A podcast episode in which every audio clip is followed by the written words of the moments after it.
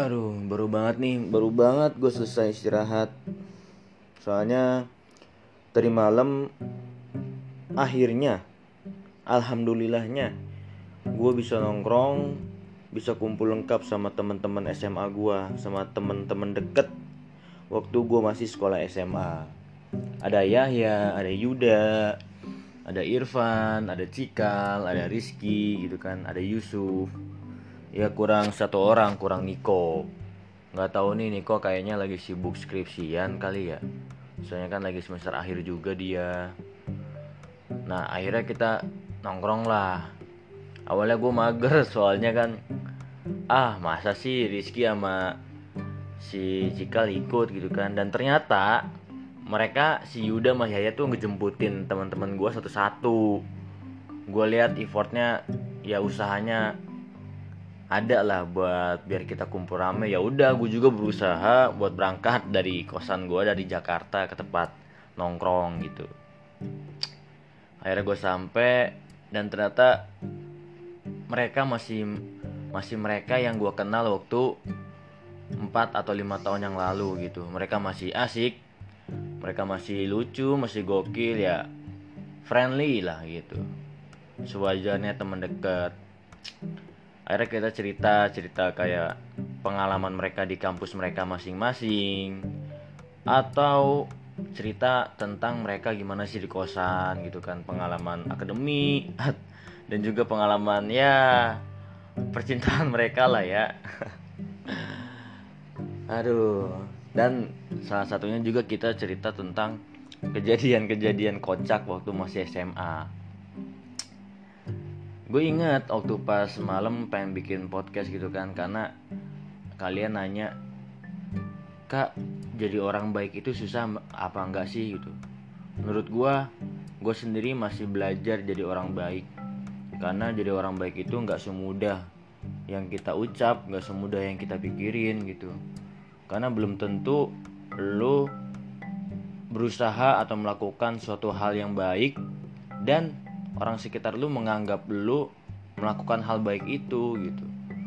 Jadi kalau misalkan lu berusaha jadi orang baik tuh jangan berharap adanya pengakuan dari orang sekitar lu gitu. Gue mau sementara gue mau bahas satu cerita. Gue keinget aja cerita ini gara-gara tadi malam kita nongkrong nih. Gue nongkrong sama teman-teman SMA gue dan cerita ini dibahas Aduh, gue sementara udah lupa, cuman kayak kocak juga sih waktu pas tadi malam diingat gitu. Jadi ceritanya gini, gue punya pengalaman waktu pas di SMA gue. Jadi eh, sekitar lima tahun yang lalu atau enam tahun yang lalu lah ya, kelas 2 SMA. Gue lagi makan siang waktu sehabis sholat zuhur gue makan bareng Irfan gue bareng eh gue makan bareng Irfan Yuda Danang sama si ini apa namanya Yudi waktu itu. Pas gue lagi mesen makan siang makanan gue belum belum selesai dibikin nih. Waktu itu gue lagi makan di Mama Silmi di kantin belakang. Nah waktu pas makanan gue belum jadi tiba-tiba gue dipanggil sama temen gue temen gue bilang Wan dipanggil lo ke guru BP Hah?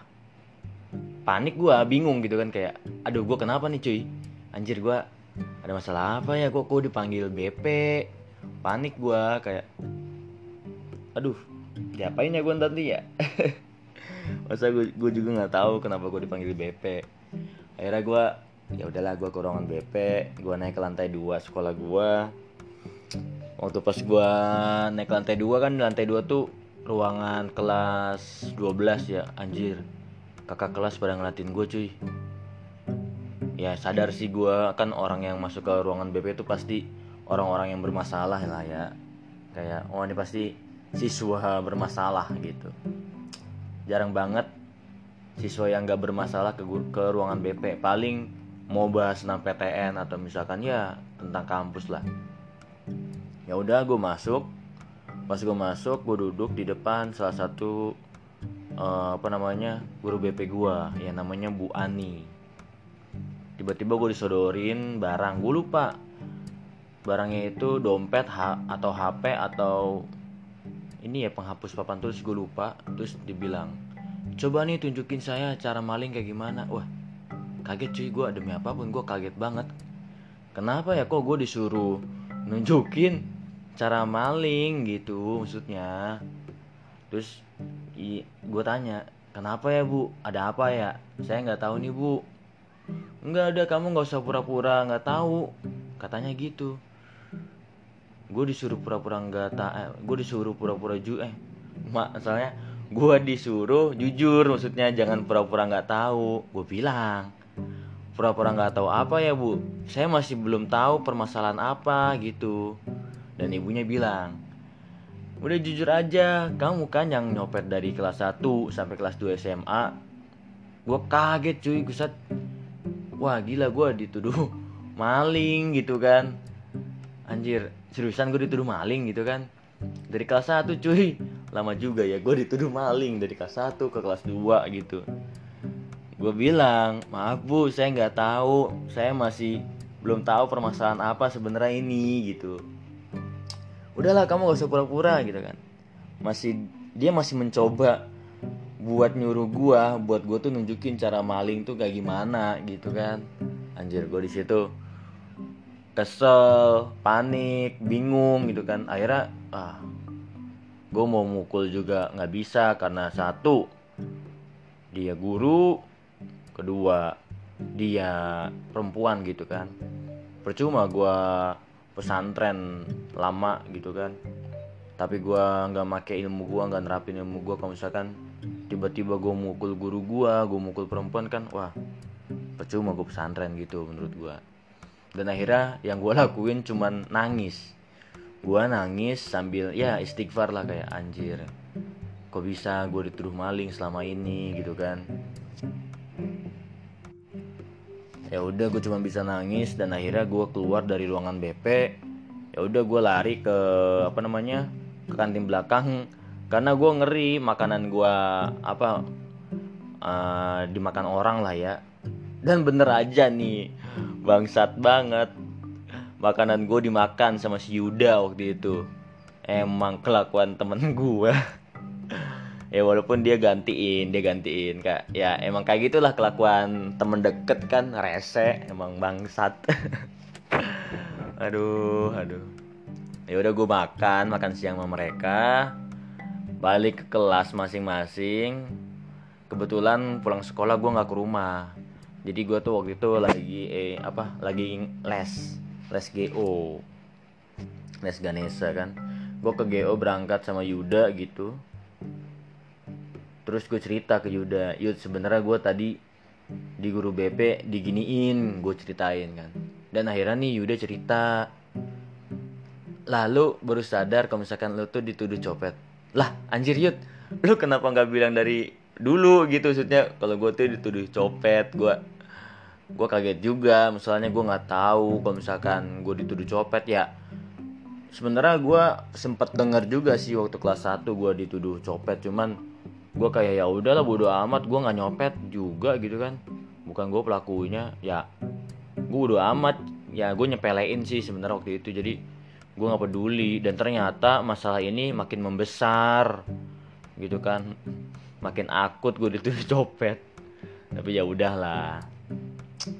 Akhirnya gue cerita ke Yuda. Yuda juga cerita waktu uh, waktu gue coba oprek masuk osis gitu kan dia ceritain kenapa gue nggak bisa masuk osis kayak anjir gue kaget juga kan.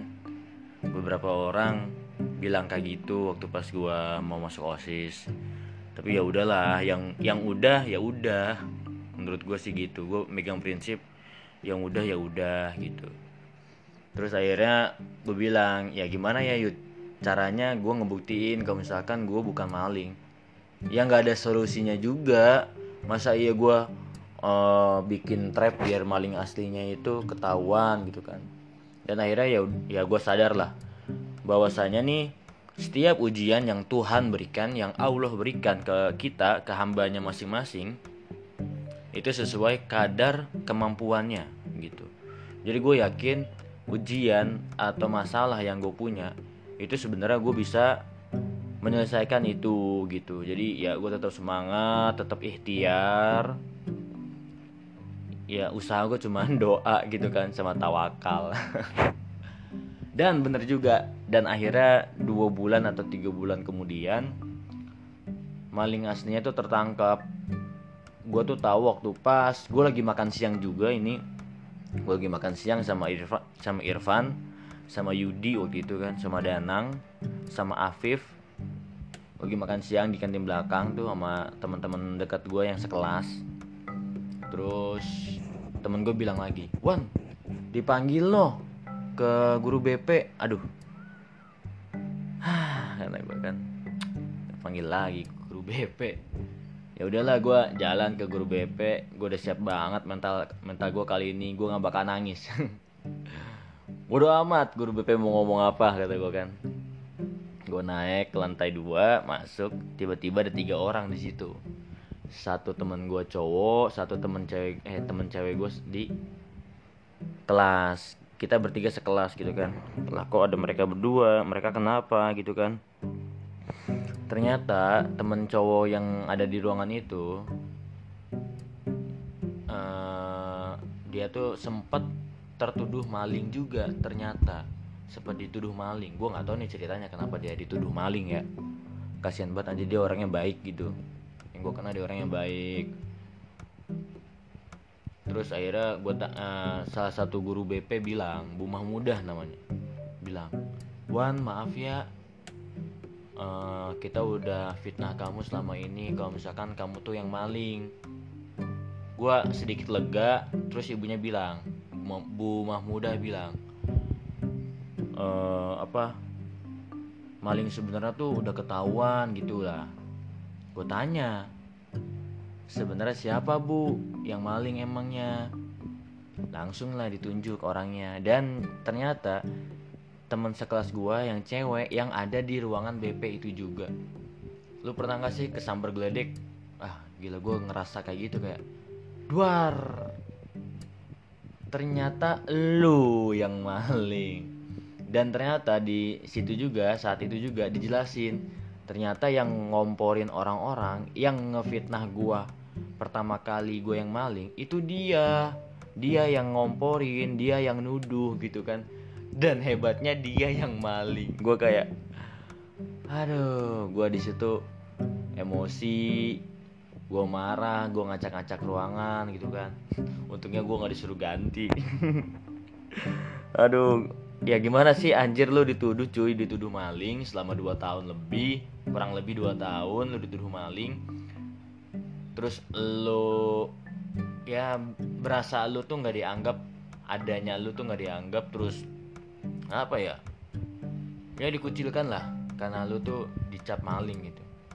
Akhirnya gue bilang e, kalau misalkan gue tuh nggak mau bawa kasus ini karena hukum lah gue nggak mau ini dibawa ke urusan serius gitu kan. Gue cuma minta satu bersihin nama gue dengan cara si cewek yang maling ini ngomong di speaker bilang Assalamualaikum nama saya ini bahwasanya yang maling selama 2 tahun eh selama kurang lebih 2 tahun ini saya gitu. Gua bukan Ridwan gitu. Bukan Ridwan Majid yang maling. Tolong gitu kan. Maksudnya bersihin lah nama gua. Lu udah berulah ya lu selesain ulah lu itu. Dan dia nggak mau cuy. Waktu itu dia nggak mau dia nangis. Dia bilang dia minta maaf ke gua. Dia nggak mau ngelakuin itu. Dia takut kalau misalkan dia dimusuhin. Dia takut kalau misalkan dia nggak nggak punya temen gitu kan. Wah gila lu nggak punya otak menurut gua waktu itu. Kayak lu nggak mikir cuy gua nanggung ulah lu selama kurang lebih 2 tahun. Gue dikucilin gue nggak punya teman banyak gitu kan. Aduh. Lu melakukan suatu hal tapi lu nggak mau nanggung resikonya. Nah buat kalian nih kalau misalkan kalian ya apa ya melakukan suatu hal pasti ada sebab akibat gitu kan ya apa pun akibatnya ya udah legowo aja nerima nanggung itu gitu kan. Mau itu sa kalian salah mau kalian nggak salah ya ambillah resikonya gitu. Jangan takut karena kalian harus percaya sama diri kalian. Bahwasanya apa pun masalahnya yang kalian punya seberat apa pun masalahnya kalian itu bisa menyelesaikan masalah itu sendiri gitu terus akhirnya ya udahlah dia nggak mau ngumumin di speaker kan. Ya udahlah gue nggak mau maksa juga. Gue juga nggak bisa nampar gitu kan. Sebenarnya mau waktu itu. Cuman ya udahlah kata gue kan. Ya udah gue keluar sama temen gue yang berdua itu. Masuk kelas ya gue percayalah suatu saat nanti suatu saat nanti masalah ini bakal kuungkap dengan sendirinya. Maksudnya ya orang-orang bakal tahu lah kalau bukan gue nih yang maling gitu. Ya gue percaya juga Bumah Muda bakal bantu gue dan alhamdulillahnya bagusnya Bumah Muda ya bantuin gue lah sedikit-sedikit gitu. Membersihkan nama gue dan wali kelas gue juga dulu mendukung gue lah. Dan alhamdulillah lah sedikit-sedikit orang lain percaya kalau misalkan bukan gue yang maling. Dan mulai banyak teman waktu itu gue mulai diakui lah maksudnya mulai dianggap keberadaan gue gitu. Gue gue sering diajak main futsal gue sering diajak main ke mana-mana nongkrong gitu kan. Dan banyak ya sering diajak makan makan siang bareng lah gue waktu itu. Setelah kejadian pengakuan dosa teman gue ini sementara dia nggak pengakuan dosa sih. Dia ke gap waktu itu.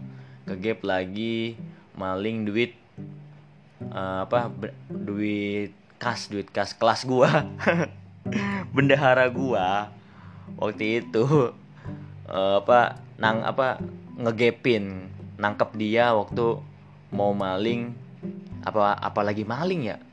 Pokoknya dia ke gap maling duit kas kelas gua waktu itu. Yang gue inget sih bendahara gue sendiri yang ngegepin gitu. Aduh kata gue untung aja bendahara gue menyelamatkan hidup gue aduh ya Allah kalau enggak sampai sekarang kali ya gue menanggung beban itu. Aduh nggak tahu lagi gue ya udah ya akhirnya tiga hari setelah kejadian itu gue masih benci gue masih dendam gitu sama orang itu sama beberapa orang yang emang kompor waktu itu kan. Cuman setelah itu setelah setelah tiga hari dari hari H ketahuan siapa yang maling gue udah nggak marah. Gue udah nggak marah gue maafin semuanya ya wajar lah menurut gue dalam kehidupan itu wajar kalau misalkan ada masalah. Jadi ya gue belajarlah dari pelajaran hidup itu gitu kan. Gue nggak marah. Demi apa pun gue udah nggak marah gue udah nggak dendam atau ya sebenarnya gue ingat-ingat pun dari gara-gara tadi malam gue kumpul sama sahabat-sahabat waktu SMA gitu ya. Terus bahas masalah itu. Dari situ gue mikir bahwasanya ya lu kita nih kita tuh masih belajar buat jadi orang baik. Karena jadi orang baik itu susah. Belum tentu kalian berusaha jadi orang baik atau misalkan kayak sebanyak apa pun usaha kalian buat jadi orang baik itu belum tentu orang sekitar kalian menganggap kalian tuh orang baik. Jadi pasti ada aja usaha kalian tuh menurut kalian sia-sia gitu kan. Tapi ya udah tetap aja. Maksudnya lu tetap jadi orang baik walaupun sekitar lu menganggap lu tuh lu bukan orang baik. Jangan mencari sebuah pengakuan dari orang lain karena saat lu mencari sebuah pengakuan berarti lu nggak sepenuhnya ikhlas. Karena ada niatan ya lu berharap dianggap orang baik. Gitu sih menurut gua. Kalau lu uh, target utama atau niat utama lu biar dianggap orang baik salah menurut gua. Karena jadi orang baik itu harus kayak misalkan lu makan su jadikan suatu kebutuhan. Bahwasanya jadi orang baik itu suatu kebutuhan lu emang lu tuh harus jadi orang baik kayak gitu. Jadi jangan peduliin pendapat orang lain. Boleh lu mempedulikan pendapat orang lain tapi sebagai koreksian sebagai bahan koreksi sebagai bahan evaluasi lu gitu. Tapi jangan di pusing-pusingin lo tau kan bedanya lo pusing sama dipusing-pusingin gitu. Jadi pusingnya itu dibuat-buat kayak gitu. Janganlah. Terus akhirnya setelah ketahuan siapa yang nyopet ya nama gue perlahan-perlahan bersih gitu kan. Orang-orang menganggap gue ada mulai mulai asik juga mulai diterima gue di lingkungan sekolah gue dan uh, eh, gue masih kurang menurut gue masih kurang membaik keadaan gue karena masih banyak yang menganggap gue itu maling gitu masih percaya kalau misalkan gue yang maling bukan si cewek itu akhirnya gue waktu itu dapat kabar ada lomba pidato bahasa Arab tingkat Jawa Barat plus DKI gue ini apa namanya gue mengajukan diri buat mewakili sekolah gue awalnya gue nggak didukung tuh sama guru-guru gitu kan. Tapi ada satu guru yang emang baik banget dia wakasak gue emang sedikit galak ya sedikit galak menurut gue tapi galaknya dia gue suka sih. Maksudnya kayak jadi akrab lah namanya Pak Harto. Dia wakasek gue dia mendukung gue buat ikut lomba pidato bahasa Arab itu buat mewakili sekolah. Akhirnya gue diizinin dan gue lomba pidato bahasa Arab. Gue belajar pidato sendiri. Karena ya alhamdulillah sebelumnya kan gue gue pondok pesantren gitu kan belajar bahasa Arab. Belajar pidato yang ben, yang baik tuh kayak gimana. Jadi gue mengulang pelajaran itu gue latihan di perpus gitu kan sampai akhirnya hari H lomba pidato gue baru tahu eh sebelumnya tuh waktu pas technical meeting gue baru tahu bahwasanya nih kalau misalkan lawan gue ini dua orang kenalan gue gitu. Kenalan pondok pesantren gitu. soalnya ada dua santri sama-sama santri lah. Enggak sih gue mantan santri mungkin ya kalau orang bilang. Ada dua orang yang lebih jago dari gue yang gue tahu dan yang lain juga jago gitu. Cuman yang gue kenal baik dua orang ini emang sering banget juara pidato gitu apalagi pidato bahasa Arab. Di situ gue mulai berkecil hati. Kayaknya gue nggak bakal juara dah kayaknya gue gagal deh. Tapi waktu itu gue lagi deket sama satu cewek anak PMR adik kelas gue biasa dipanggilnya Yeye waktu itu. Dia semangatin gue dan ngeyakinin gue kalau misalkan gue tuh bisa. Gue tuh bisa. Dan akhirnya ya udah gue ikutin tuh lomba pidato sampai akhir. Dan waktu pas mau pengumuman ini apa juara oh ya jadi sebelumnya tuh SMA gue itu ngirim tiga cabang ini lomba. Jadi SMA gue tuh ngirim tiga cabang lomba pertama pidato bahasa Arab gua dan satu marching band dan satu lagi band. Nah waktu band ini SMA gue ngirim dua band. Terus waktu pas pengumuman ini di akhir acara pengumuman juara gue gue nazar gue janji sama teman gue namanya Irfan. Gue manggilnya Ipang. Pang kalau misalkan gue juara tiga gue bakal botakin kepala gue kalau juara dua gue bakal botakin kepala gue plus gue jajanin lu di kantin sebanyak 50 ribu. Kalau gue juara satu gue botakin kepala gue plus gue jajanin lu sebanyak 100 ribu. Gitu kan. Ayo deal. Deal. Nazar nih gue nazar kan janji. Dan akhirnya gue kaget. Gue juara dua cuy. Gue juara dua pidato bahasa Arab tingkat Jawa Barat plus DKI kan waktu itu dan itu itu lombanya di SMA Al Azhar di Kemang Pratama di Bekasi. Nah waktu pas gue juara dua wah gue kaget seneng kayak aduh gue nggak nyangka gitu kan. Dan ternyata dua orang yang menurut gue itu musuh terbesar gue maksudnya lawan terberat gue ternyata dia belum beruntung gitu. Emang takdirnya belum beruntung. Dan akhirnya mereka juga seneng kalau misalkan gue tuh juara gitu kan. Gue udah ucapin mereka. Ya udah akhirnya singkat cerita beberapa minggu kemudian waktu pas upacara bendera hari Senin gue dipanggil maju karena gue salah satu siswa berprestasi gitu kan. Udah mewakili SMA gue menjadi juara pidato bahasa Arab gitu. Gue seneng. Seneng banget gue karena di hari itu gue maju ke tengah-tengah ke depan gitu kan waktu pas lagi upacara berlangsung. Dan orang-orang semua tepuk tangan. Orang-orang bangga gitu. Yang gue lihat bangga nggak tahu mereka ini apa bangga juga apa enggak tapi gue yakin mereka bangga punya temen ya ber, berprestasi gitu. Akhirnya bener aja mereka tuh mulai banyak yang menerima gue gitu. Makin banyak aja yang percaya kalau misalkan gue tuh orang baik lah gue bukan maling gitu.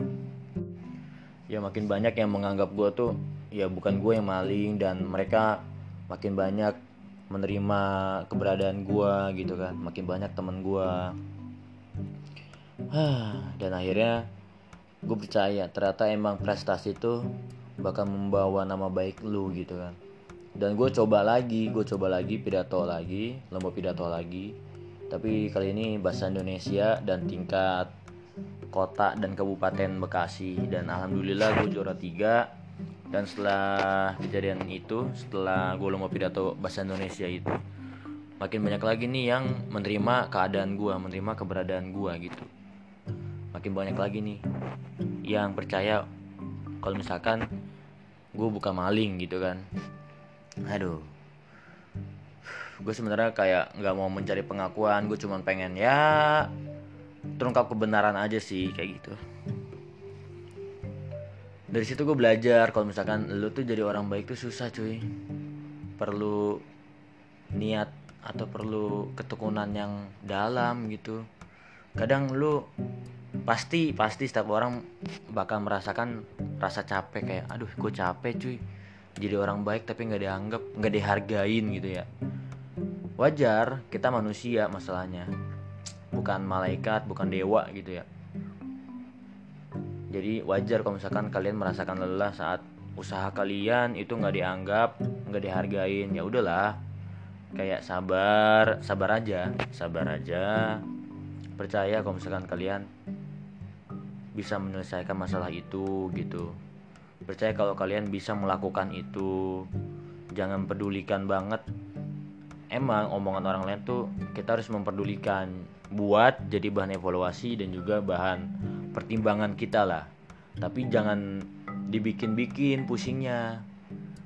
Lu tahu kan pusing dengan pusing yang dibikin-bikin gitu. Ya gue pun masih belajar masih belajar buat jadi orang baik gitu kan. Gue masih usaha masih mencoba gitu. Entah itu sukses entah itu berhasil atau enggaknya ya urusan belakangan gitu.